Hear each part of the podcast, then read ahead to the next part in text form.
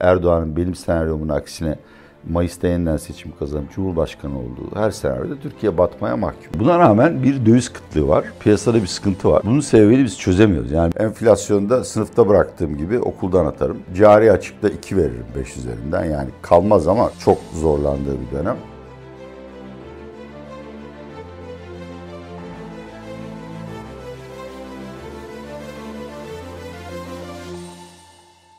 Atiye Bey merhaba, hoş geldiniz. Merhabalar Semih, seni görmek çok güzel. Buradan bütün mesele ekonomi izleyicilerine sevgilerimi sunuyorum. Bizi evinizde ağırlıyorsunuz. Çok teşekkür ederiz. Benim çok naziksiniz. keyif. Bütün izleyicilerimi evimde ağırlamak isterdim. Atiye Bey, konularımıza geçmeden kısa bir şey sor- sormak istiyorum. Biliyorsunuz Netflix Serhat Peker'e teklifte bulunmuş.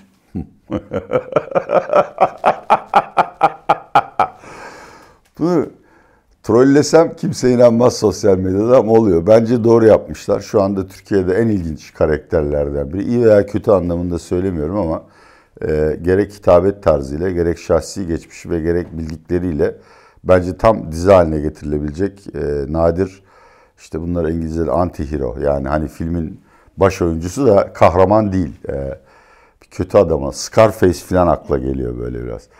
E, bence çok başarılı bir proje. E, inşallah yaparlar ve bence çok yani Türkiye'den çıkan en, en faydalı yayınlardan biri olabilir.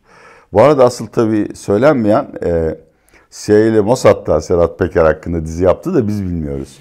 E, onların gidip onu orada ufak bir sohbetten geçtiğinde yüzde yüz eminim bu arada. O yüzden e, kim e, Türkiye'de kirli işlere karışmışsa herkes elinde dosya var. Seçimlerden sonra cımbız. Atiye Bey, şimdi daha e, karamsar, daha moral bozan konuya gelmeden güzel bir şeyden bahsedelim. Biliyorsunuz ara tatil yaklaşıyor. Camp Kids'ten de büyük bir karne kampanyası başladı. Ara tatilde özel İngilizce e, eğitim ta, e, hediye edebilirsiniz çocuklara. Tam %50 indirimli. 12 aylık abonelerde ise 6 ay bedava. Ne diyorsunuz? Siz de biliyorsunuz bu kampanyayı. Evet, e, ben de Cambly çalışıyorum. Her şeyden önce yani küçük hani maddi anlamda hayatta kalmaya çalışan bir içerik üreticisi olarak Cambly'e minnettarım. Hakikaten çok büyük maddi destek veriyor. Onun da ötesinde 33 yıldır bu meslekteyim. Evime getirdiğim ekmeğin yarısı ekonomi finans bilgisi yarısı da çok iyi hani çok iyi İngilizce. o, o tartışma konusu. Çok iyi İngilizce birazcık Almanca bilmemden kaynaklanıyor. Çok iyi bir İngilizce. Yalnız Türkiye değil dünyanın her yerinde size çok iyi para kazandırır. Dolayısıyla ben de hakikaten torunlarım ABD'de yaşıyor ama Türkiye'deki torunum olsaydı böyle bir hediye verirdim. Benim çocuğum sizin torunu sayılıyor. O zaman bir hediye bekliyorum. Tabii. Getir keratayı el öptürme. Şu anda Camp Kids'te ilk 1500 çocuğa özel 12 aylık aboneliklerde %50 indirim fırsatı var. 6 ayı bedavaya giriyor. Çocuğunuza ömürlük bir yatırım yapmak için herkese e, tavsiye ederim Camp'i. Linkte de aşağıda da e, açıklamada ve e, linklerde her tür şey bulabilirsiniz bilgiyi. Dersler tam 30 dakika. E, bu çocukların ihtiyacı olan ve dikkatini verimli bir şekilde verebileceği süre olarak belirlenmiş. O zaman Başkası yok. herkese iyi bir İngilizce eğitim için fırsat veren Camp'e teşekkür ederim. Evet. Atiye Bey başlayalım mı? Tabii ki. Devlet Bahçeli Mayıs'ı telaffuz etti. Ha. Artık Bahçeli dediğine göre zaten 3 aşağı 5 yukarı tahmin ediyordu ama resmi süreç artık biraz daha hani e, süreç ilerlemeye başlayacak yani resmi olarak. Resmi olarak Cumhurbaşkanı Erdoğan'dan seçimi işte 14 Mayıs'ta 7 Mayıs'ta yapıyoruz dediğini duyduğumuz andan itibaren ekonomide ciddi bir değişiklik görecek miyiz sizce? Piyasalarda. Ekonomi derken piyasa kastediyorum. Ekonomide de göreceğiz, piyasalarda da göreceğiz. İki birbirine zıt unsurun devreye girdiğini göreceğiz. Finansal piyasalardan başlayalım. Orası çok daha basit, orası çok karışacak. Özellikle benim tahmin ettiğim gibi ay sonunda altılı masa ortak koalisyon protokolü ve ekonomi programını açıklar. Şubat'ın ilk yarısında da ortak aday deklare ederse e, şu anda benden bakıyor kimsenin inanmadığı muhalefetin kazanma şansının oldukça yüksek olduğu ortaya çıkacak. Şimdi Türkiye'de Erdoğan iktidarı kaybetmesiyle birlikte her şeyini kaybedecek çok insanlar var. Bu insanların yavaş yavaş double tüyaj, çifte tüyaj dediğimiz Uçacak mı kuş? Uçmaya başladıklarını göreceğiz. İkincisi bunun tersine çalışacak faktör. Eğer anketler benim burada izah ettiğim tahminlere uygun devam ederse yani altılı masa oyları yükselmeye devam etse bu sefer yabancıların e, belki içeride değil ama CDS ve Eurobond'larda pozisyon alıp orada fiyatlı CDS fiyatlarını düşürüp Eurobond fiyatlarını yükselttiğini göreceğiz. İş dünyası açısından tam bir kabus abi. Hele yani işte bir örnekle açıklarsam daha iyi olur. Mart sonu seçim tarihi açıklanmış 14 Mayıs. İçeriye acayip gelir pompalanıyor. Ama sen üretmek için daha fazla ham madde alacaksın, yatırım yapacaksın, fabrika kapasiteni büyüteceksin, işçi alacaksın, memur alacaksın filan. Ulan ya Erdoğan seçimi kaybederse arkasından istikrar programı geliyor. ya da ya Erdoğan ya da ya Erdoğan kazanıp ya arkadaşlar ya kandırmışlar bizi. Böyle olmaz. Nurettin'cim sen biraz dinlen deyip bütün politikaları ters yüz ederse ki etmek zorunda kalacak ya da Türkiye batacak. Yani bir iş insanı olarak çok zor bir durumdayız. Bilemezsin. Yani tamam bir bu, tabii ki bu aşırı iç talepten yararlanmak için yatırım yapmak işte istihdam falan arttırma içgüdün var. İkincisi ya bunlar iki ay sürebilir be kardeşim. Sen şey yani 10 milyon dolar yatırdın fabrikada şeyini teknolojini yeniliyorsun. 100 kişi aldın. Aa seçim dönemi geldi. O yüzden e, açıkçası o dönem oynaklığı çok yüksek bir dönem olacak. Bence Türkiye'dekiler açısından CHP'li de olabilir, AKP'li de. Eğer muhalefetin kazanacağı anlaşılırsa ekonomi durur. Çünkü şimdi ortada bir siyaset ve partizanlık var. Bir de ya 20 yıldır alışmıştık bu adamı. Nasıl iş bitireceğimizi biliyorduk. Ulan bunlar kurallardan filan, adaletten, kurallardan filan dur bakalım. Wow etkisi olacak. Eğer muhalefetin seçim kazanma şansı olduğu ortaya çıkarsa, kesinleşmesi de şart değil. Acayip. Belki swap yoluyla da yurt dışından para girmeye başlayacak ve pek çok e, uluslararası şirket gelip Türkiye'de yatırım fırsatları kollamaya başlayacak. Son olarak şunu sormak istiyorum bu aynı konuda. Şimdi geçmiş seçimlerde benim hatırladığım kadarıyla e, seçime yaklaştığında özellikle işte birkaç tane çok itibarlı şirketin Erdoğan'ı önde göstermesiyle birlikte borsalarda ray olurdu. Şunu anladık muhtemelen kazanacak piyasa işte Erdoğan'ın evet. kazanacağı Bu sefer acaba tersi mi olacak diyorsunuz? Bence tersi olacak. Çünkü şimdi açıkça konuşalım. Tamam muhalifiz falan ama yani 2016 meşhum darbe girişimine kadar Türkiye Erdoğan ekonomik anlamda bu ülkeyi çok iyi yönetti. Yani sen istiyorsan CHP'li ol, istiyorsan tipli ol. Adam sana meşru yollar, makul politikalarla para kazandırıyor. Türkiye'yi büyütüyor, şudur budur. E tabii yani bir yandan bağırırsın gitsin diye bir yandan oy verirsin. Ama artık yani bence Erdoğan'ın en yakınındaki iş kesimi bile gördü ki e, yok yani bu iş yürümeyecek. O yüzden e, Erdoğan'ın kazanacağının anlaşılması bence ciddi bir hasar. Bir şey daha var yani bu hiç konuşmadığımız bir senaryo var. Açıkçası ben de bilmiyorum belki ayrı program yaparız. Anketlere bakıyorsun Erdoğan işte Kılıçdaroğlu, İmamoğlu neyse kimse onun önünde kaz ikinci turda kazanacak belli. En azından üstüne bahse girmeye değer. Ama parlamento elden gidiyor. O zaman ne yapacaksın? Kimse böyle bir çalış sistemi nasıl çalışacağını bilmiyor Semih. Ya bir iki örnek vereyim sana. Tamam Sayın Erdoğan Cumhurbaşkanı. O yine e, işte karar, gece yarısı kararname yönetiyor. Bütün komisyonlar muhalefete geçti. İlk yapacakları ne biliyor musun? Kit defterlerini ve bütçeyi denetlemek ve Sayıştay'a yeniden her şeyi denetleme etkisi. bir ay içinde burası karışır. Türk'te çoğunluğu ele geçiriyorlar. Değil mi? Tabii. En önemlisi bütçeyi onaylamazlar. Harcayamaz Erdoğan. Vallahi Türkiye yani hani demokrasi açısından iyi, Türkiye açısından felaket bir senaryo olur. Medya açısından da iyi olur. Konuşacak Oo ben tabii ben yani zaten ben hep win-win yani win-win. hep win-win. Çünkü ben kripto AKP'liyim. Herkes biliyor bunu yani. Bakan Nebati demiş ki burada hayırlı olsun Türkiye ekonomik modelinin birinci senesi.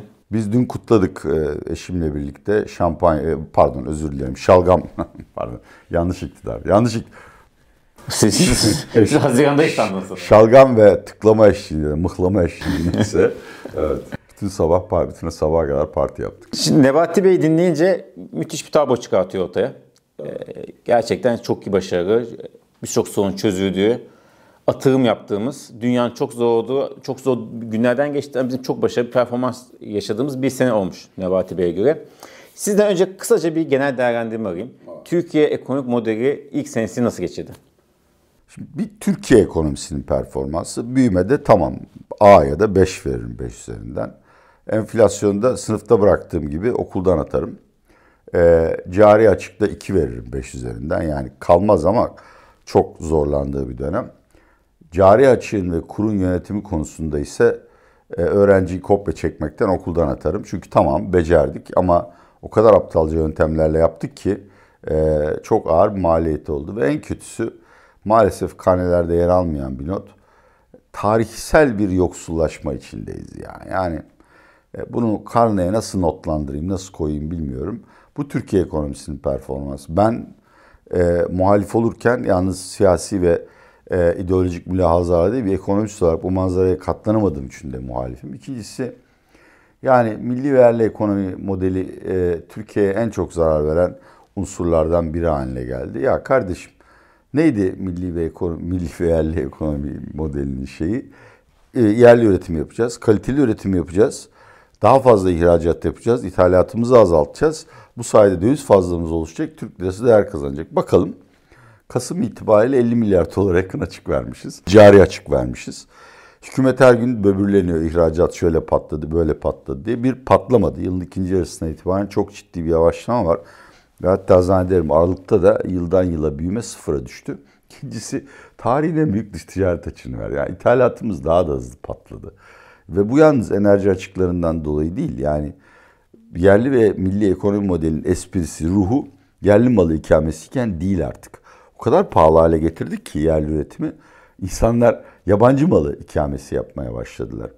Türkiye'de daha kaliteli üretim yapılıyor mu? Yok yani bu hani varsa söylesinler bana. Herhangi bir majör endüstride e, Türk malı daha kaliteli hale gel, geldi diye ben objektif bir kriter bulamıyorum. Üçüncüsü yine aynı şekilde son rakama bakmadım ama son birkaç yılda bu Berat Albayrak'la işte altyapısı çatılan milli ve yerli ekonomi modelinden beri bizim ihracatımızın kilo başına değeri 1,5 dolarlardan 1 dolara geriledi. Bunun istihdama da yansımaları var. Dünyanın her yerinde daha çok eğitimli insan ortalamada kendinden daha az eğitimli olan bir aynı branşta daha az eğitimli olan birine göre daha çok kazanır. Bizde artık o kadar kalitesiz ve ucuz mal üretiliyor ki üniversite mezunları, lise mezunları, ortaokul mezunları arasındaki maaş farkı ikincisinin lehine daraldı. Yani üniversite mezunu olmak para etmiyor. Çünkü kimsenin o bilgiye ihtiyacı yok. Ya sen sonuçta gidip var diye yöneteceksin abi. Bizi bu hale getirdi milli ekonomi modeli. Bu, bu modelde kaldığımız her yıl mesela Erdoğan'ın benim senaryomun aksine Mayıs'ta yeniden seçim kazanıp Cumhurbaşkanı olduğu her senaryoda Türkiye batmaya mahkum. Türkiye'yi fakirleştiren ve Türkiye'nin çok kaynaklarını atıl bırakan, kullanılmamasına neden olan bir şeyle, bir modelle başa çıkıyoruz, uğraşıyoruz. Bütün dünyada yani global tedarik zincirleri kırılıyor. Globalleşme yerini bölgeselleşme ya da ittifaklar arası globalleşmeye bırakıyor. Bunun getirdiği sıkıntılar ve sancılar yaşanıyor. Maliyetler artıyor. Şu bu oluyor. Ee, biz hakikaten Avrupa'nın tedarik merkezi olabiliriz. Yani biz sosyal gelişme anlamında değil, Amerika'nın Meksikası olabiliriz. Yani Türkiye'de nüfusun yarısı Avrupa'ya ihracat yapan şirketlerde çalışabilir. Bir yarısı da turizm ve Avrupa'ya hizmet satarak kazanabilir. Bu kadar bu kadar basit bu iş. Ama bunu da beceremiyoruz. Gelmiyor. Kaç tane tedarik zinciri? Yani son 10 yılda biz son 10 yılda işte dizilerimiz hakikaten çok başarılı. Birkaç getir gibi e, yeni girişim çıktı. Evet ama genel olarak baktığımızda Özal'dan kalan ya da 90'larda gümrük birliğiyle e, dış ticaret gamımıza kattığımız endüstrilerin yanına hangisini ekleyebildik ya? Peki son olarak e, Bakan Nebati'nin bir açıklamasıyla bu kısmı kapatacağız. Kişi başına düşen milli gelirin bu yıl 12 bin doların üzerine çıkacağını öngörüyoruz. 12 bin doların üzerine çıkar mı 2023 yılında kişi başı gelirimiz? Ya abi yani Herhalde emin, tabii eminim Bakan Nebati hiçbir şekilde falaka yememiştir. İnşallah yemezdi ama yani 10 bin dolar değil mi? Yüzde yirmi mi artacakmış dolar? 10 bin de altında sanırım ama. Ben, ben hani iyi, hani yanlış ya olur hani doları çok baskılar nominal milli geliri arttırırsan olur hiçbir anlam ifade etmez ya. Bu hakikaten yani bu Türk'ün Türkiye propagandası diye rahmetli Ufuk Güldemir'den kaynaklanan bir terim galiba. Ee, Bence artık halkı değil kendilerini ve Sayın Erdoğan'ı kandırıyorlar. Bunların hiçbiri gerçek değil yani. Türkiye 2013 e, yılında yakaladığı o 12.500 dolar zirvesini satın alma gücü olarak e, bir 5 yılda falan ancak yakalayabilir. İşte gezi olmasaydı. Ha, gezi evet, evet. Çok güzel. Şimdi şöyle bir şey var. Dediğim gibi yani bir yıl kuru iyice baskılayıp nominal gelir yani enflasyon artı reel büyümeyi pompalayarak 15 bin dolara da çıkarsın. Ertesi sene 9 bin dolara düşersin. Şimdi ekonomide esasında en azından gösterge, bazı göstergelerde biraz da stabil bir dönem yaşadık son birkaç ayda. İşte dışarıdan kaynak gelmesi hep onları konuştuk. Sizce yancı bağın, geçici bağın sonuna geldik mi? Ya bir iki ay daha sürer herhalde. Ee, şimdi şuradan, Hava da güzel değil mi şanslı? Efendim? Hava da... işte hakikaten bence bir siyasetçinin en büyük varlığı şansı abi yani. Hiç karizma falan diyorlar. İşte stratejik yok. Şanslı olacaksın yani. Ee, Sayın Erdoğan da çok şanslı yani. Türkiye'de seçmen ağırlığını yaşadığı batıda bugün dışarıda ısı 11, yarın 18 derece olacakmış. Doğalgaz faturası faciası henüz tam inşallah da hissedilmez. Benim kimsenin ekmeğiyle karşı bir söz söylemeye hakkım yok. Şimdi bir kere bir CDS'deki gerilemenin önemli bir bölümü gelişmekte olan ülkeler Ekim'den itibaren yeniden para girmesinden kaynaklandı. İkincisi de yani sonuçta karşıdaki adam Türkiye'yi falan düşünmüyor. Ne kadar para kazanacağını düşünüyor. Adam şöyle bir hesap yaptı. Ulan ne zaman Eurobond ihraç etse Katar giriyor malı kapatıyor ya da yarısını alıyor. E ben de gireyim. E, dolayısıyla sigorta ya da daha az para öderim. Çünkü nasıl olsa Katar alıcı hep yani. E, bu sebeplerden dolayı bir düşüş yaşandı. Şimdi son zamanlarda var. Ama elden geldiği kadar tarafsız olmaya çalışıyorum. Seyretmek lazım hastanın durumunu. Yani ateş 37.8'den 38.5'a çıktı. Öldürücü bir şey değil. Geçici de olabilir. Bir virüs atlatmıştır filan. Biraz böyle devam ederse sıkıntı olur. Devam edebilir, eder mi? Edebilir. Şöyle bir durum var. Yani piyasadan bu kadar döviz toplayan, dışarıdan bu kadar yardım alan bir ülkenin ve cari açığı da hesaplıyoruz. Merkez Bankası rezervinin daha yüksek olması gerek. Bir yerde bir kayıp kaçak var. Bir de dışarıdan bilim ak akıl almaz ölçüde galiba Kasım'da 1 milyar dolara yakın e, net Arizona yani kaynağı bilinmeyen parayı. Buna rağmen bir döviz kıtlığı var. Piyasada bir sıkıntı var. Bunun sebebini biz çözemiyoruz. Yani bir verilere bakarak bunun şeyini bulamıyoruz. Bir yerlerde bir hile yapılıyor. Ee, Para mı gelmedi acaba? E, paralar gelmedi. Paralar fiktif olabilir. Yani bu işte swaplar Türkiye'de hiçbir zaman anlaşılmayan bir konu. Çin işte Katar 10 milyar dolar swap yaptı. O sizin Merkez Bankası rezervinizi yükseltir ama onun kullanım değeri yoktur. Kullanım değeri sıfırdır. O tip bir takım şeyler gelmiş olabilir. Rusya ile doğalgaz anlaşmasının bittiği, kapsamının miktarının bittiği söyleniyor. Emin değilim. Olabilir. Ben şüphelerimi arz edebilir miyim? Bunlar konusunda hiç hiçbir hiçbir kanıtım Abi gariplik var diyorsunuz. Efendim? Abi bir garip yani bir... Evet yani kaf, midemdeki hissi söylüyorum. Bir, AKP'nin kankaları çok yüksek miktarlarda döviz kaçıyorlar yurt dışına. Çünkü onlar oyunun sonunu gördüler. Ee, ikincisi e, Türkiye'de e, yaz aylarındaki yani şu ana kadarki rezerv birikiminde bence Rusların ve Ukraynalıların konut alımı çok büyük bir şey yapıyordu. Res, yani şimdi Türkiye'de konut alıp satan herkes biliyor. Hani adam 250 bin dolar ev aldım diye tapuya gidiyorsa o 500-600 bin dolardır. Bence o şey çıkmaya var, tortu çıkmaya başladı rakamlardan. Ve en önemlisi ama dediğim gibi bak bunların hepsi spekülatif. Ben çok açığım izleyicilerimizle. Bizde net hata noksanın en önemli belirleyicisi yurt dışında meşru yollarla para tutan iş insanlarının şirketlerin ihtiyacı olduğunda bunu kredi olarak Türkiye'ye göndermesi. Ama bunun tersi de oluyor. Şirketini kurtaramayacağını anladığında ya da şirketin para kazanmaz dediğinde bu sefer şirket kaynaklarını yurt dışına transfer ediyorsun. Bence bu üç olasılıktan biri üzerindeyiz. İnşallah yanılırım. Böyle olursa korkutucu. Ama şunu çok iyi biliyorum. Ee, eğer Sayın Şahap Kavcıoğlu TL mevduat faizinin 50'ye kadar falan yükselmesine müsaade etmezse o boşalan KKM'yi borsa ile konutla falan zor tutarlar. O dolara kaçar. Bence çok kritik bir hata yaptılar Semih. Merkez Bankası tarihi yani böyle maçı bitir hani kaleci elinden kaçırıyor top ya da penaltı kaçır. Öyle bir hata yaptı. Bu 50 bin doların üzerine yurt dışı transferlere getirilen kısıtlamaları e, bankada büyük parası olan anladı. Yani o sarı, sarı ışığı gördü. Bunun bir arkasından e, işte Arjantin, Rusya, e, Kıbrıs Rum kesimi benzeri bütün paralarıma paralarım üzerindeki kullanım hakkımı donduracaklar dedi ve hafiften bir tüyaj yaşamaya başladı. Çok teşekkür ederiz. Onunla da konuşuruz. Seçim yaklaştıkça zaten çok dediğiniz gibi çok değişik, çok farklı bir dönem yaşayacağız. Tüm senaryo konuşuyor olacağız. Çok teşekkür ederiz. Haftaya kadar kendinize çok iyi bakın. Kembil Kitsel Allah razı olsun sağ olsun bize.